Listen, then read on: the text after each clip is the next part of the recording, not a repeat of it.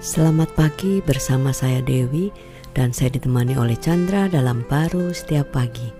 Yohanes 6 ayat 11a dikatakan, Lalu Yesus mengambil roti itu, mengucap syukur dan membagi-bagikannya kepada mereka yang duduk di situ.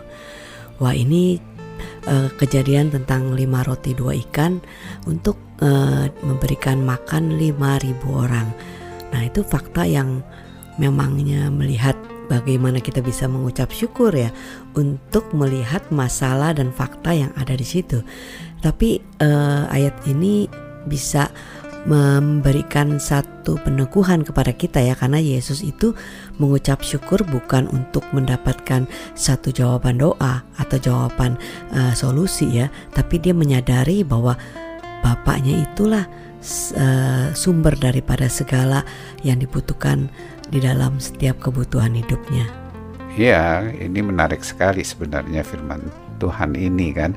Sebenarnya ada dua pandangan kan murid-muridnya mandang. Mana mungkin sih lima roti dua ikan buat mereka aja 12 murid udah nggak mungkin. Buat apalagi buat lima ribu orang. Yes, benar nggak yang bener, dia bener, ngomongin? benar fakta banget kelihatan ya, bahwa nggak mungkin kan. Iya uh, tapi Tuhan Yesus itu ngelihatnya bukan sejauh manusianya, tapi Bapaknya yang adalah Tuhan yang dapat menyediakan jauh melampaui batasan yang kita lihat ah, dengan itu. fakta yang ada. Yes. Ya, dengan cara demikian ya dia mengucap uh, syukur.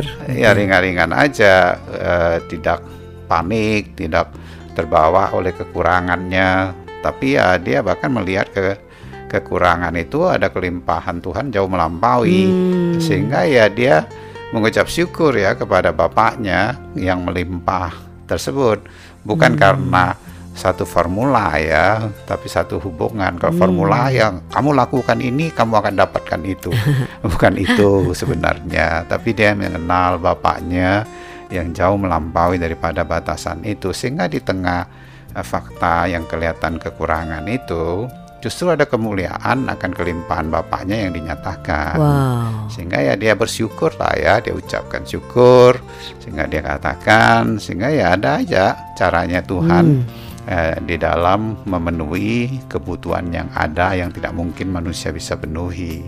Wow. Ya dalam hidup ini kan juga gitu ya, kita bisa aja menghadapi satu kekurangan yang uh, tidak mungkin bisa kita penuhi ya. Iya kan bukan masalah besarnya kekurangan itu ya dan Tuhan ingin kita dicoba-cobain begitu kan hmm. enggak tapi dia ingin kita menyadari dia yang besar yang mengasihi kita ada bersama dengan kita. Jadi kita bersyukur banget bukan karena ada uh, masalah untuk bisa Tuhan berikan kelimpahan tetapi kita bersyukur mengucap syukur itu karena kita itu menyadari dan mengenal Bapak kita itu yang selalu ada melimpah bagi hidup kita. Iya ada masalah nggak masalah dia tetap melimpah ya. hmm. ya. Cuma kalau ada permasalahan itu justru kadang-kadang itu eh, kita lebih bisa menikmati kelimpahan dia atau menyadari kelimpahan dia yang dinyatakan lewat kehidupan kita yang di mana kita kan berpikir udah nggak bisa lagi. Hmm. tapi bagi dia nggak ada yang nggak bisa. Maka itu percaya saja.